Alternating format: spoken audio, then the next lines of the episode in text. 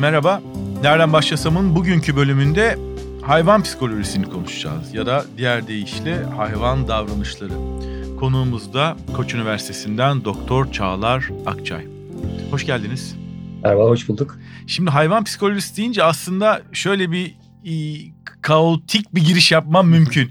Psikoloji demek, ruh bilimi demek, hayvanların ruhu var mı e, diye böyle bir hani bir açmazla başlayabilirim ama niyetimiz bu değil.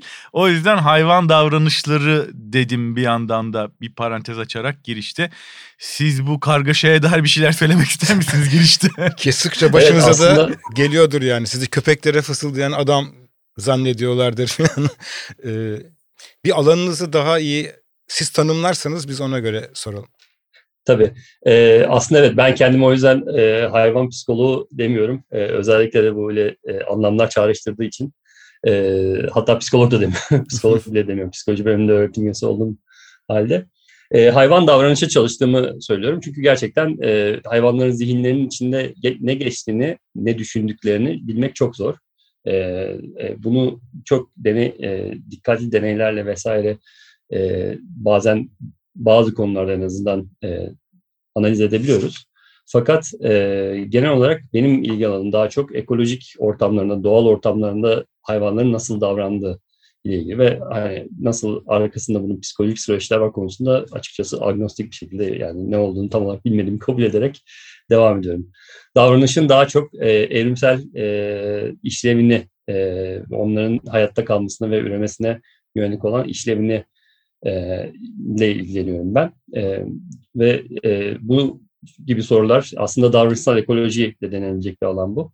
E, çünkü ekolojik ortamında, doğal ortamında ve e, bir üreme değerine yönelik e, biyolojik fitness dediğimiz şeye yönelik davranışların e, çalışması bu. Bunun adı da etoloji mi? Evet, etoloji, şimdi burada kavramları tarihsel olarak bir bakabilirsek ilk başlangıçta e, bu e, hayvan davranışının çalışması e, biyolojiden, biyolojinin bir alt olarak çıktığında e, hayvan psikolojisi olarak söylenmiş. Bu Almancası işte Tierpsychologie diye işte e, ilk olarak hayvan psikolojisi denmiş. Sonra etoloji e, kavramı çıkmış, davranışın e, çalışılması. Ondan sonra 1960'lar 70'lerde e, etoloji e, kavramının biraz da yani terimin daha doğrusu biraz daha az kullanılır oldu. Davranışsal ekoloji ya da e, hayvan davranışı, animal behavior e, alanı olmaya başladı. Alanı olarak anlatılmaya başladı. Ama etoloji hala kullanılabilen bir şey. Biraz daha klasik e, o işte Konrad Lorenz'lerin falan zamanla zamandan kalma bir terim olmakla beraber hala kullanılıyor. Bir de sosyobiyoloji var. Evet bir de sosyobiyoloji var. O da çok e, o da 1970'lerde bir ara çok popüler oldu. Bunların hepsi aslında işte davranışın ekolojik e, ortamında çalışılması, hayvanların davranışlarının ekolojik ortamlarında çalışılmasına yönelik terimler. Sosyobiyoloji terimi biraz e, bir şekilde bir e, kavga yarattı. E, özellikle sosyal bilimlerle e, biyologlar arasında bir kavga yarattı. Biraz gereksiz bir kavgaydı bence. Ama o yüzden çok fazla kullanılmıyor artık açıkçası. Şimdi hayvan davranışları dediğimiz zaman e, benim anladığım, gördüğüm kadarıyla ikiye e, ayrılıyor e, hayvan davranışı. Bir nurture denilen bir de nature denilen bir e, doğadan e, gelerek yani içgüdüsel bir şekilde benimsedikleri davranışlar. Bir de öğrendikleri davranışlar diye galiba kabaca iki sınıflama var. Doğru mu yoksa eksik mi söyledim? Yani şöyle e, bu nature ve nurture e, debate aralarındaki bu çekişme gibi şey her zaman psikolojide de biyolojide de hep var ola gelen bir şey. E, hayvan her ne kadar hayvan davranışı etoloji zamanında daha çok böyle instinktif ya da işte ne, sizin nature dediğiniz e, doğuştan gelme davranışları çalışmaya çalıştığını düşünsek de aslında e, birçok davranış hemen hemen hep bütün davranışlar hatta e, böyle bir e, sınıflandırmaya uygun değil. Yani her davranışın altında hem bir e, içgüdüsel bir altyapı var. İçgüdüsel diyorum ama yani bir yani biyolojik temelden gelen, e, genetik temelden gelen daha doğrusu bir e, şeyler var, altyapı var. Bir de öğrenilmiş ya da deneyime bağlı diyebileceğimiz e, şeyler var. E, hemen hemen her davranışta bunu görüyoruz. Dolayısıyla bütün davranışları bu şekilde çok temiz bir şekilde ikiye ayırmak çok mümkün değil. Benim mesela kendi alanımdan bir örnek vermek gerekirse ben kuşları çalışıyorum e, e, ve kuş şarkısı çalışıyorum daha çok. E, bu kuş şarkısı e, hem öğrenilen bir şey ama aynı zamanda çok kuvvetli bir genetik temeli olan bir şey. Dolayısıyla mesela bu kuş şarkısının ortaya çıkmasında kuşlar şarkılarını genellikle diğer bireylerden öğreniyorlar ve genellikle birçok kuş türünde eğer e, gelişme süresinde başka bir kendi türlerinden başka bireyleri duymazlarsa düzgün şarkı yani o normal dediğimiz şarkıyı söyleyemiyorlar. İnsanlarda da aynı şey geçer. İnsanları izolasyon içerisinde yetiştirdiğiniz bebekleri mesela e, geçmişte tarihte bunların örnekleri oluyor. E, normal dil gelişimi oluşmuyor. E, bu mesela kuşlarda da aynı şey söz konusu. Dolayısıyla bu kuşlardaki şarkı öğrenme e, prosesi, e, süreci tam hem e, genetik temeli olan bir şey hem de deneyime bağlı olan bir şey, öğrenmeye bağlı olan bir şey. Yani aslında mesela bu demin ki nature or nurture sorusu çok klasik bir sorudur. Genetik mi, doğal yapıda mı, çevresel etkiler mi? Hani benim de üniversitede bir kriminoloji dersim vardı mesela. Orada da çok konuştuğumuz bir şeydi. Her türlü suç davranışı üzerinde bu soru sorulur ve cevabı her zaman her ikisi dedir ama işte çoğunlukla çevresel faktörler daha ağır basar. Durumdan duruma oran değişir. Yani aslında e, hayvanların psikolojisiyle insan psikolojisi e, ne kadar ayrılabiliyor ya da şöyle bir şey so- sorayım sizin çalışmalarınız açısından. Siz aslında doğrudan hayvan psikolojisini çözmeye mi çalışıyorsunuz? Hayvanlar üzerinden insanın evrimsel psikolojisini de daha iyi anlamaya mı çalışıyorsunuz? Ya ben açıkçası ikinci soruya çok fazla girmemeye çalışıyorum. İnsanları e, anlamaya çalışıyorum. Çünkü yani hem e, kişisel olarak e, hayvanları çalışmak açıkçası bana daha ilginç geliyor. Çünkü e, bu insanları çalışırken, hayvanları çalışırken e, evrimsel sorular sormak çok daha kolay. E, ve bu benim ilgimi çeken, şahsi olarak ilgimi çeken sorular evrimsel sorular genelde. Evrimsel biyolojiden, biyoloji temelli sorular. İnsanda bu tip soruları sormak, evrim, işte davranışın evrimsel temeli ya da evrimsel e, işlevi ya da genetik işlevi gibi şeyler Bunlar e, çok çok daha zor e, ve e, çünkü dediğimiz gibi in, insanda e, dil e, var, kültür var. Bu kültürel e, insanı kendi türümüzü biz kendi e, ne diyeyim, ön yargılarımızdan diyeyim e, ya da kendi fikirlerimizden e, bu öznel e, fikirlerimizden bağımsız çalışmak çok zor geliyor. Ama in, hayvanlarda da aynı sorun var. Hayvanlarda da bazı insana atfettiğimiz şeyleri hayvan davranışlarına da atfetmekte da, atfediyoruz yani. Ama eninde sonunda hayvan orada e, davranışını yapıyor ve doğada e, ölüyor ya da yaşıyor ya da işte yavru sahibi oluyor, yavru sahibi olmuyor. Bunları çalışabiliyorsunuz. Evrimsel açıdan önemli olan e, veriyi alabiliyorsunuz. İnsanlık tabii bunu almak çok mümkün değil. E, dolayısıyla o yüzden ben ikinci soruya çok girmemeye çalışıyorum. bir şeyi merak ettim. Hayvanların da kültürü var mı? Yani çok daha somut olarak soruyorum. Siz şimdi kuş şarkılarını çalışıyorsunuz ya. Diyelim ki aynı ötücü kuşun e, Türkiye'deki üyeleriyle Latin Amerika'daki üyelerinin arasında müzik kültürü farkını ayırabilir miyiz? Farklı şarkılar mı söylüyorlar? Evet, evet. E, hatta bu e, ötücü kuşlardaki şarkılar e, kültürel evrimin, kültürel ve işte genetik evrimin etkileşmesinin e, çok güzel bir modeli hatta. E, yani Latin Amerika'ya kadar gitmenize gerek yok hatta. Yani İstanbul'daki işte İspinozlarla e, ne diyeyim e, şey Karadeniz'in başka bir yerindeki İspinozlar mesela daha farklı ötecektir. Bunların arasında bir e, diyalekler ya da e, tam olarak diyalek demesek de e, farklılıklar olacak ve bunları bu bunlar da anlamlı onların davranışlarına anlamlı bir şekilde yansıyor. Hatta başka bir ile de gitmenize gerek yok. İstanbul içerisinde e, ne bileyim e, şehrin içerisinde öten, şehir parkında öten bir Emirgan Korosu'nda öten bir ispinozla Belgrad Ormanı'nda şehrin dışında daha sessiz bir yerde öten bir ispinozun ötüşü de farklı olabilir. Bu son zamanlarda benim e, çalışmaya başladığım bir şey. Şehirdeki e, hayvanlar, şehirde yaşayan hayvanlar, e, bu durumda işte kuşları çalıştığım için kuşlar, kuşların davranışları nasıl değişiyor? E, davranışlarından bir kısmı bu ötü, ötü yani söyledikleri şarkılar. Şimdi e, in, insanlar üzerinde etik sebeplerle bu deneyler pek fazla yapılmıyor. Mesela işte bir bebeği izole bir ortamda büyütseniz ne olur, hangi dili konuşur, kedi nasıl ifade eder falan gibi deneyler e, çok sık yapılmış deneyler değil. Günümüzde ele hiç yapılmıyor diye biliyorum. diye um, yani umuyorum ya da ama. Örnekleri var ne yazık ki. Ama Çocuk evet. istismarı case'lerinden biliyoruz böyle şeyler evet. oldu. Yani vakalar var. Ama bu deneyleri eski... hayvanlar üzerinde ya da kuşta sizin alanınızda kuşlar üzerinde herhalde yapılmıştır, yapılıyordur diye düşünüyorum. Mesela bir kuşu kendi başına büyüttüğünüz zaman ya da başka türden bireylerle birlikte büyüttüğünüz, yetiştirdiğiniz zaman e, ne tür sonuçlar elde ediliyor? Yani bu davranışsal özel özelliklerinin ne kadarını e, taşımaya devam ediyor ya da hani kendi türünün davranışsal özelliklerinin ne kadarını tanışmaya devam ediyor? Bu çok güzel bir soru. Bu e, açıkçası türünden türüne değişiyor. Şimdi ötücü kuşlar dediğimiz kuşlar yaklaşık 5000 tane, 5000'den fazla hatta e, kuş türünü barındırıyor. Ve bunların her birinin her ne kadar şarkılarını öğreniyorsa da yani bildiğimiz kadarıyla bütün ötücü kuşlar şarkılarını öğrenmek durumunda. Nasıl öğrendiklerinde bir farklılık var. Bazıları gerçekten insanlar gibi çok erken e, yaşta, erken yaşta değil, ilk iki ay, ilk ya da ilk üç ay diyelim e, zamanında bir kendi türünün şarkısını duyması gerekiyor. Eğer o zaman da kendi şarkı, türünün şarkısını duymazsa gerçekten normal şarkıyı söyleyemiyor. Ama bazı kuşlarda kendi türünün şarkısını duymasa da, başka türlerin şarkısını duysa da, hatta hiç şarkı duymasa da bir şekilde kendi kendine improvize edebiliyor ya da başka türlerden öğrenebiliyor. Dolayısıyla bayağı bir farklılık da var. Bu farklılık da işte evrimsel olarak bunun e, bu öğrenme mekanizmalarının e, çeşitliliğinin çalışmanıza aslında bir fırsat. Az önce dikkatimi çekti. Siz İçgüdü kavramını kullanmamaya çalışıyorsunuz. Biyolojik ya da genetik özellikler dediniz. Oysa hayvanlar söz konusu olduğu zaman içgüdü deyip geçmek çok kolay ve evet. yaygın bir alışkanlık. E, neden kaçınıyorsunuz bundan? İçgüdü ne anlama geliyor? Sizin e, tanımınız ne bunun yerine geçen? Neden mesela bunu kullanmanın doğru olmadığını düşünüyorsunuz?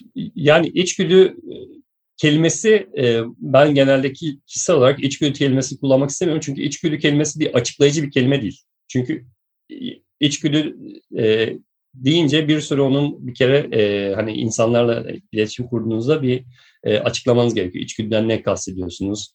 E, bu hiçbir şey yok, esneklik yok bu davranışta. Hiçbir flexibility yok, hiçbir deneyime bağlı değil gibisine. Ve çoğu zaman da e, evet deneyime bağlı biraz aslında. Evet bir esneklik var, belli durumlarda oluşuyor vesaire. Bu, bu davranışı sadece bu bağlamda görüyorsunuz. Başka bağlamda görmüyorsunuz gibisinden bir sürü açıklama yapmanız gerekiyor. Dolayısıyla içgüdü demek aslında bir şeyi açıklamaktan ziyade bence bir şeyi üzerini kapatmak gibi oluyor. Yani açıklamaya çalıştığınız şeyi üzerini kapatıyorsunuz. Ee, evet bu bu böyle o, kendine oluşur. Ama aslında birçok davranış için hatta hemen hemen her davranış için çok daha basit, e, çok daha e, karmaşık bir açıklama yapmanız gerekiyor. İçgüdü o yüzden bana böyle biraz e, hani şey kolaycılık bir iş geliyor. İçgüdü deyip işin içinden çıkmak kolay bir şey açıklamış olmuyoruz. E, daha ilginç ya da daha anlamlı olan şey e, bu davranış ne koşullarda e, göre ne, bu davranışı ne koşullarda görüyoruz? E, bu davranışı ne koşullarda görmüyoruz? Bu davranışın şiddetini arttıran e, öğeler ne? Şiddetini arttıran, azaltan öğeler ne? E, ya da bu davranışın arkasında yatan genetik e, öğeler nedir? Yani bir bireyler arasındaki genetik farklılıklarla davranışın arasındaki farklılıklar e, birbirleriyle örtüşüyor mu? Ne kadar örtüşüyor? Gibi sorular sormak. Yani o içgüdü açıklayıcı bir kavram değil benim için. İnsanlar için de hayvanlar için. Yani siz insanlara çok girmek istemiyorsunuz ama dayanamayıp soracağım. Evet yani bu insanlarda da girmek istemiyorum dedim yani ben işte davranışsal genetik dersini verdim geçen sene. Ee, aynı bu bütün de e, ders bunun üzerineydi yani. Ee, burada bir şey genetikli bir şeyin kalıtımsal olduğunu söylemek, e, heritability dediğimiz e, kavram.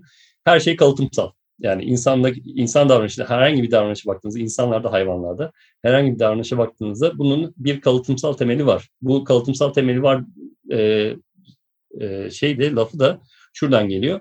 E, baktığınızda işte ikiz çalışmalarına baktığınızda ya da işte genetik olarak şimdi artık gen sekansına, sekansına da bakabiliyoruz. Bunlara baktığınızda belli bir e, davranıştaki varyasyonun belli bir yüzdesini genetik varyasyonla örtüştürebiliyorsunuz. Yani ikizler birbirlerine daha yakınlar. E, tam yumurta ikizleri birbirlerine daha yakınlar davranış olarak çift yumurta ikizlerine göre. Ya da işte e, çift tek yumurta ikizleri herhangi iki kardeşe göre birbirlerine daha yakınlar vesaire.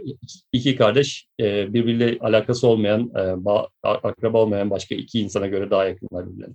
Bu davranışın bir, yani genlerin bir fonksiyonu, e, genetik materyalin bir fonksiyonu ya da bir etkisi olduğunu gösteriyor. Bunu da işte yüzde elli, yüzde otuz, yüzde seksen gibi rakamlar da verebiliyorsunuz buna. Ama bu aslında yani davranışın esneklik, e, davranışta esneklik olmadığını, davranışın deneyimlere bağlı olmadığını ya da e, davranışın şiddetinin ileride artıp azalmayacağını göstermiyor size.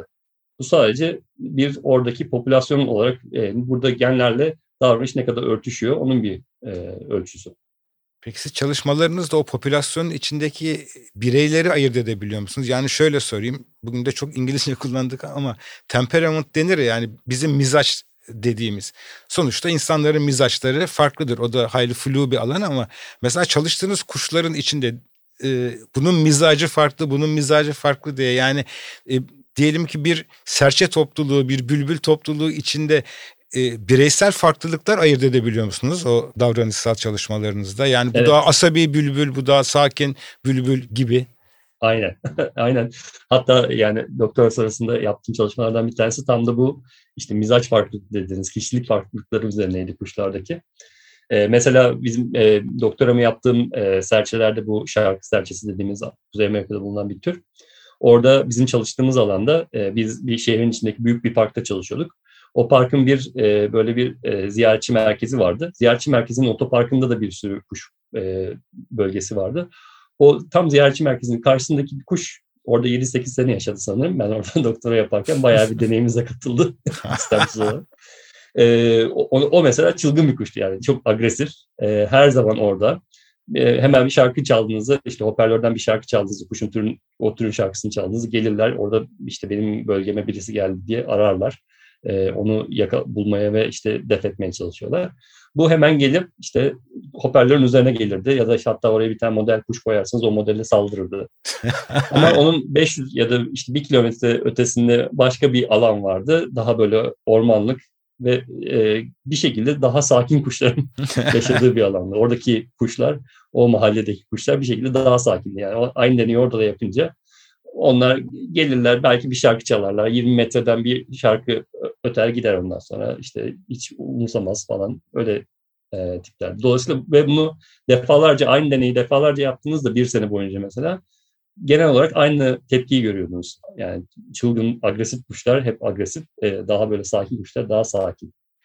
Ve yani biraz da şey gibi e, İstanbul'un belalı bir mahallesiyle daha güvenli mahallesi o belalı mahallenin en kabadayı insanı gibi karşılıkları çünkü. Evet biraz evet, kabadayı kuşlar ve işte mülayim kuşlar. Peki e, öğrenme e, kendi doğalarının gereği ya da genetik e, aktarımlarının gereği olmayan öğrenmeler yani insanlar tarafından e, bir şeyler öğretilme çabası ya da e, işte çevresel koşulların değişmesi sonucunda yeni şeyler öğrenmeleri hayvanların. Bu da davranışın bir parçası. Bununla ilgili mesela kuşlarda gözlemleriniz nedir? Tabii şimdi bu mesela şehirde yaşayan kuşlarda birçok e, yeni e, şeyle e, yeni bir yeni bir ortamla e, baş etmek zorunda kalıyor bu hayvanlar. E, sadece kuşlar değil bütün şehirde yaşayan hayvanlar. İşte arabalarda nasıl arabalara nasıl tepki vereceklerini görmeleri gerekiyor. E, binaların etrafından nasıl dolanacaklarını öğrenmeleri gerekiyor vesaire. Bunları iyi öğrenebilen türler var, e, daha az öğrenebilen türler var. Daha esneklik, e, esnek olan türler mesela e, daha çok şehire adapte olabiliyorlar bazen.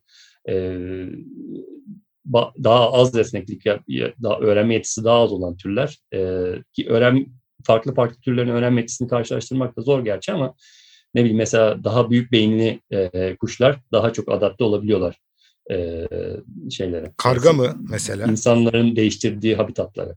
Öyle diyeyim.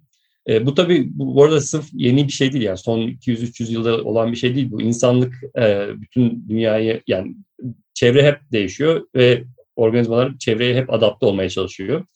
E, son işte insanların bütün dünyaya yayılması ve son birkaç 2000 yılda falan e, ya da daha birkaç bin yılda diyeyim e, bütün dünyayı işte tarım ve şehirleşmeyle değiştirmeleri sonucunda biz bunu çok daha hızlı bir şekilde yapmaya başladık bu evrimsel değişimi. Çok daha hızlı bir şekilde e, hayvanlara empoze etmeye başladık. Sırf hayvanlara değil hatta bitkilere ve bütün ekosisteme. E, bunda da hayvanlar tabii e, bu yarışı bazı kazanıyor, daha iyi kazanıyor, bazı daha az kazanıyor vesaire. E, mesela bizim e, bu ülkemizde olan bir şey e, sadece insanlar değil, bizim insanların beraberinde getirdiği e, diğer hayvanlar e, kediler ve köpekler mesela. Bunlarla e, bu hayvanlar, e, bizim etkilediğimiz hayvanlar, kedi ve köpek dışındaki hayvanlar, bunlarla da e, baş etmek zorunda kalıyorlar. E, mesela kuşlar için kediler çok büyük bir e, şey e, av av olma riski taşıyor. Ama mesela kedilerden kaçma e, belki e, genetik olarak e, kuşaktan kuşağa aktarılabilecek bir davranış özelliğiyken e, mesela e, araçların etrafından dolaşma ne bileyim binaların cam yüzeyine çarpmamayı her bireyin tek başına öğrenmesi mi gerekiyor? Yeniden evet, öğrenmesi bu mi öğrenme gerekiyor? de genelde de işte mesela camla çarpma dediğiniz şey öğrenme fırsatı da çok vermeyen bir şey. Yani bir kere cama çarptınız ve e, bir yani daha çarpmayayım deme şansınız yok kalmıyor yani. Aynen yani, yani orada ölme riski çok yüksek. O cama çarpıp ölme riski çok yüksek. Bir de bir de yani cama çarpmaların sebebi zaten camı görmemeleri. Dolayısıyla bir uyaran yok öğrenebilecekleri. Aslında öğrenebilecekleri uyaran olsa, distinct bir uyaran olsa camın üzerinde mesela bir bazı şeyler olsa e, zaten genelde işte artık camları sadece düz cam değil de üzerine çıkartmalar yapıştırarak yani görünür kılmaya çalışıyorlar kuşlar içinde.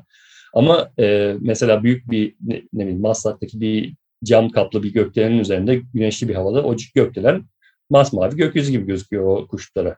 Dolayısıyla onlar öğrenebilecekleri bir uyarı yok. Masmavi gökyüzüne çarpmamayı öğrenemezler. Çünkü masmavi gökyüzü ne doğru uçacaklar her yani aslında cam görünmüyor da mesela daha görünebilir tehlikeler için birbirlerinden ders almak, sonuç çıkarmak gibi bir mekanizma var mı? Hani e, bu kuş benim sürümden olan kuş şuraya çarptı aman ben çarpmayayım diye bir öğrenme oluyor mu? Yani bak ya da yavru kuşa kendi iletişimleri içinde sana ibret olsun bu kuşun sonu gibi bir şey olabiliyor mu?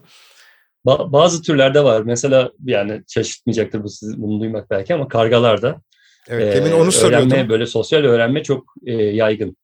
E, benim doktorumu yaptığım üniversitede e, Seattle'da e, bir e, başka bir hoca kargalardaki bu sosyal öğrenmeyi çalışıyordu ve e, kargaların işte kampüsteki e, karga yuvalarına tırmanıp ağaca o kargaları, yavru kargaları halkalamak için e, gidiyorlardı. Onu yaparlarken de maske taktılar bu deneyde. E, bir işte böyle bütün yüzü kaplayan bir maske. Hatta Dick Cheney maskesi falan taktılar. e, takıyorlardı. O zaman daha Dick Cheney sanırım şeydi. E, başkan yardımcısı. Başkan yardımcısı. Ondan sonra e, asistanlara o maskeyi taktırıp kampüste dolaştırıyorlar. E, tabii bu bir yuvasına çıkıp, karganın yuvasına çıkıp oradaki yavruları halkalamak karga için çok travmatik bir şey. Sizi bir predator zannediyor, avcı zannediyor. Yavruları yiyeceğinizi zannediyor. Dolayısıyla size geliyor işte oradan def etmeye çalışıyor vesaire. Dick Cheney olduğu için aslında yiyebilir, yiyebilirdi de yavruları Dick Cheney olsaydı gerçekten. Gerçek Dick Cheney olsaydı.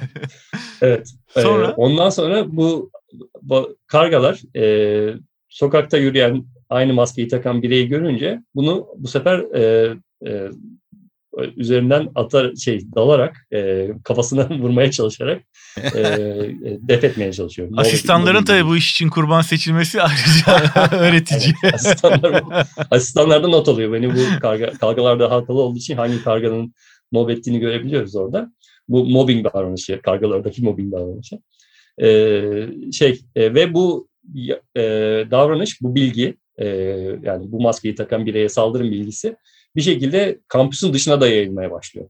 E, farklı kargalar da bunu görmeye başlıyor. Bakın, aa bu bizim işte komşu bu adamı e, e şey yaptı kovmaya çalışıyor, ben de kovmaya çalışayım diyerek birbirlerinden öğreniyorlar bir şekilde. Bu da bizi kuşlar filmine Ondan, getiriyor. Ondan sonra Cumhuriyetçi Parti mitinglerine saldırıyorlar. ama ama gerçekten e, ilginçmiş. Yani sonunda makale yazması olmasa deney olarak filan ilginç. Peki mesela kargalardaki bu göreceli daha gelişmişlik ömürlerinin uzun olmasıyla da bağlantılı mı? Yani ömür uzadıkça beynin gelişmesi, öğrenme sürecinin uzaması bunun da kuşaktan kuşağa aktarılması bir şey. Yani biz kuş ağırlıklı konuşuyoruz ama mesela belki kedi köpek cinsleri için, tüm hayvan cinsleri için de geçerli olabilecek bir şey diye soruyorum. Evet yani bu arada e, bir önceki anlatım deneyde sanırım Dick Cheney kontrol maskesiydi. Başka bir maske tırmanıyorlardı ama ee, şey e, yani bu bir kargalarda ya da daha büyük beyinli o vücutlarına göre daha büyük beyinli bireyler şey, türlerde e, daha uzun yaşama şeyi orada biraz muhtemelen ikisi hem işte tavuk mu yumurtadan çıkar, yumurta mı tavuktan çıkar hesabı. İkisi birbirini e, destekleyen şeyler. Hem uzun yaşamak daha büyük bir beyin gerektirebilir ya da büyük onu isteye ona izin verebilir. Hem de daha daha büyük bir beyin sahibi olmak daha uzun yaşamaya yol açabilir evrimsel süreç içerisinde. E, bu genel olarak e, sosyal öğrenmeyi biz daha böyle sosyal hayvanlarda görüyoruz. Daha yani beraberinde karmaşık sosyal yapısı olan kargaların sosyal yapısı da bayağı karmaşık e, hayvanlarda görüyoruz.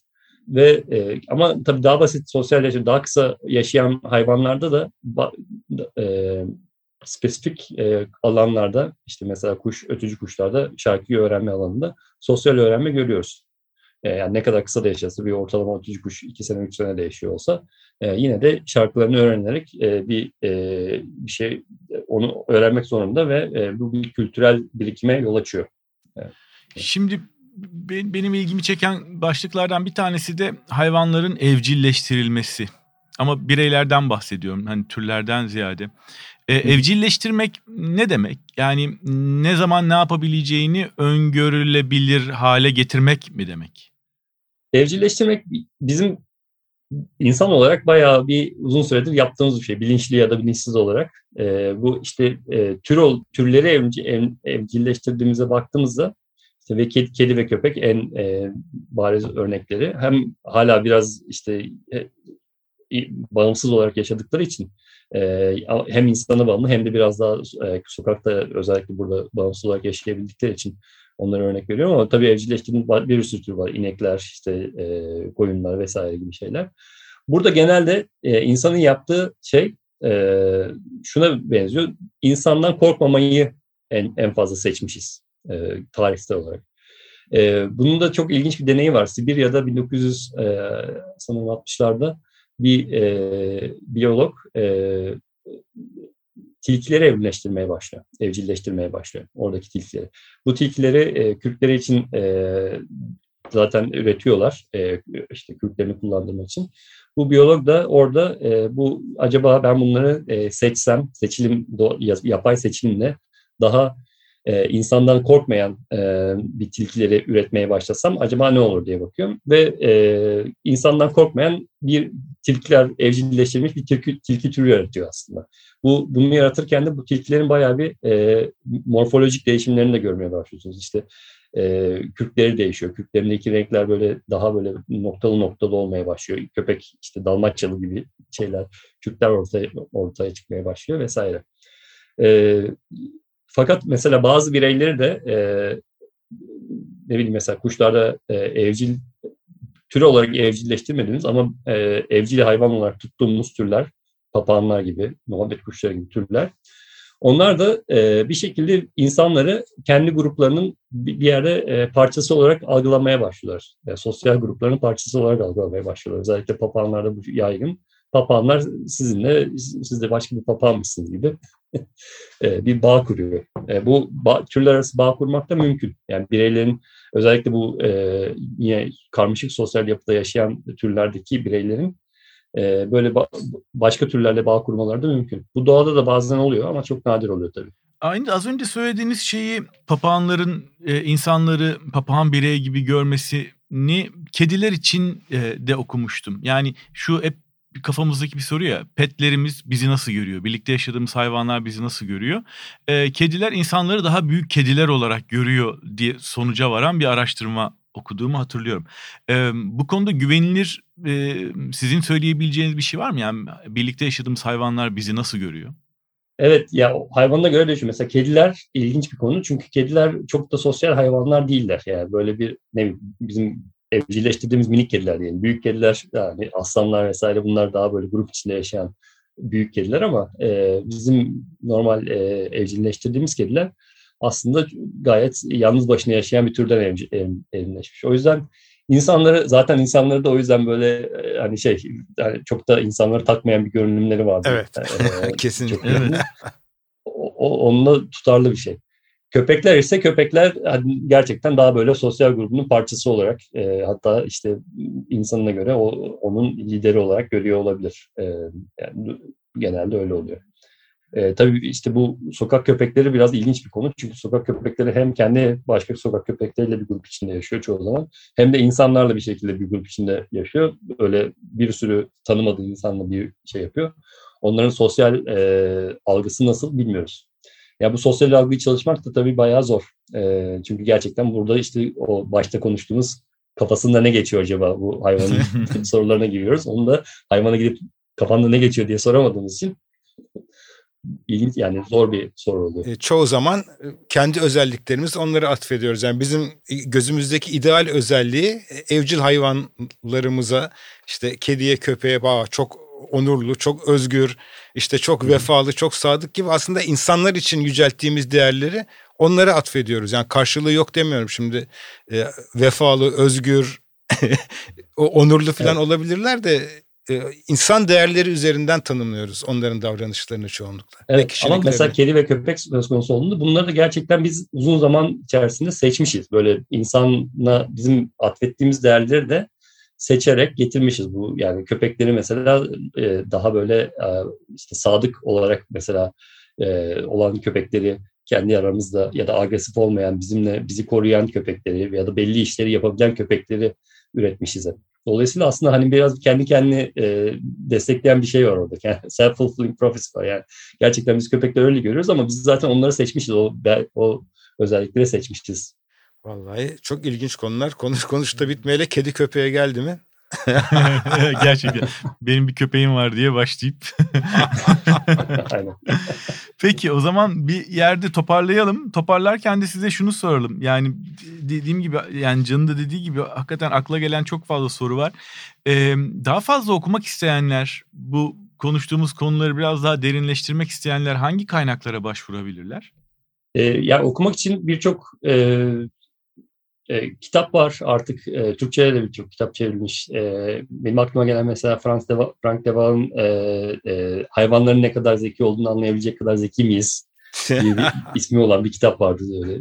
Çok zor, söylemesi zor bir kitap var. Onu mesela hayvan psikolojisi özellikle hayvanların bilişsel mekanizmalarına ilgili olanlar için. Ama ben okumaktan da yani okumak önemli tabii. Ama e, yani hayvan davranışı özellikle görerek ya da işte gözlemleyerek, e, sırf görerek değil duyarak da e, bence öğrenilebilecek ya da araştırılabilecek bir şey. Dolayısıyla ben belgeselleri e, çok tavsiye ediyorum. Netflix'te bir sürü belgesel. YouTube'da artık e, birçok belgeselin tamamı var. Vimeo'da var. E, bunlardan birkaç tanesi e, klasik işte BBC'nin hazırladığı, David Attenborough'un e, hazırladığı belgesellerden daha eskilerden 1990'lardan e, Trials of Life diye bir belgesel serisi var. Bunu Vimeo'da bulabiliyorsunuz ararsanız Trials of Life'ı. E, bu böyle 10 seri 10 tane belgesel olan bir şey. Ben bunu derste de gösteriyorum. E, burada üniversitede verdiğim derslerde gösteriyorum. Çünkü çok güzel. E, hem görüntüler çok güzel hem de biyolojik olarak arka planını çok güzel anlatıyor o belgesellerde. Yani hayvan davranışını gerçekten davranış gözlemleyerek e, tanımak daha iyi. E, diğer bir şey de dışarı çıkmak. Yani e, dışarıdaki hayvanları siz gözlem, sizin gözlemlemeniz. e, bu konuda e, yani ilgilenen bir insan olursa güvercinler, kediler de var, köpekler de var ama güvercinler, serçeler, e, herhangi bir parka gittiğinizde artık yani e, İstanbul'un içerisinde ya da başka şehirlerde sincaplar e, vesaire her, herhangi bir hayvanı artık gözlemleyebilirsiniz gözlemlerken not almak, bu hayvanın davranışlarını nasıl bir şey yaptığını, nasıl bir davranış yaptığını ve ondan sonra o davranışla ilgili işte Google'dan ve internetten bir araştırma yapmak mümkün olabilir. Peki yani siz... ben açıkçası okumaktan ziyade dışarı çıkıp gözlemlemeyi ya da işte belgesellerden izlemeyi ta- tavsiye ederim. Peki siz de hem gözlemliyorsunuz hem de Koç Üniversitesi'nde laboratuvarınız var bu konuda çalışan. Siz bir belgesel hazırlamıyor musunuz? Yerli olsa da seyretsek yani. Belgesel e, hazırlayacak vaktim olmadı açıkçası ama işte böyle e, sizin gibi podcastlerde ya da işte e, programlarda anlatmaya çalışıyoruz. Aslında belgesel hazırlamak çok güzel olur e, gerçekten. Ama açıkçası o, o konuda benim bir yeteneği pek olduğunu zannetmiyorum.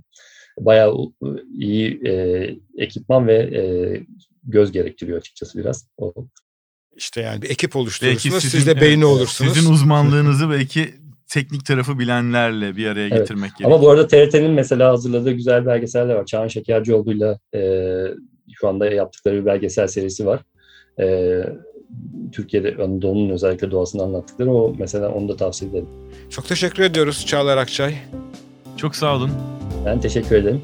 Çok zevkli konuşmak. Teşekkür ederiz.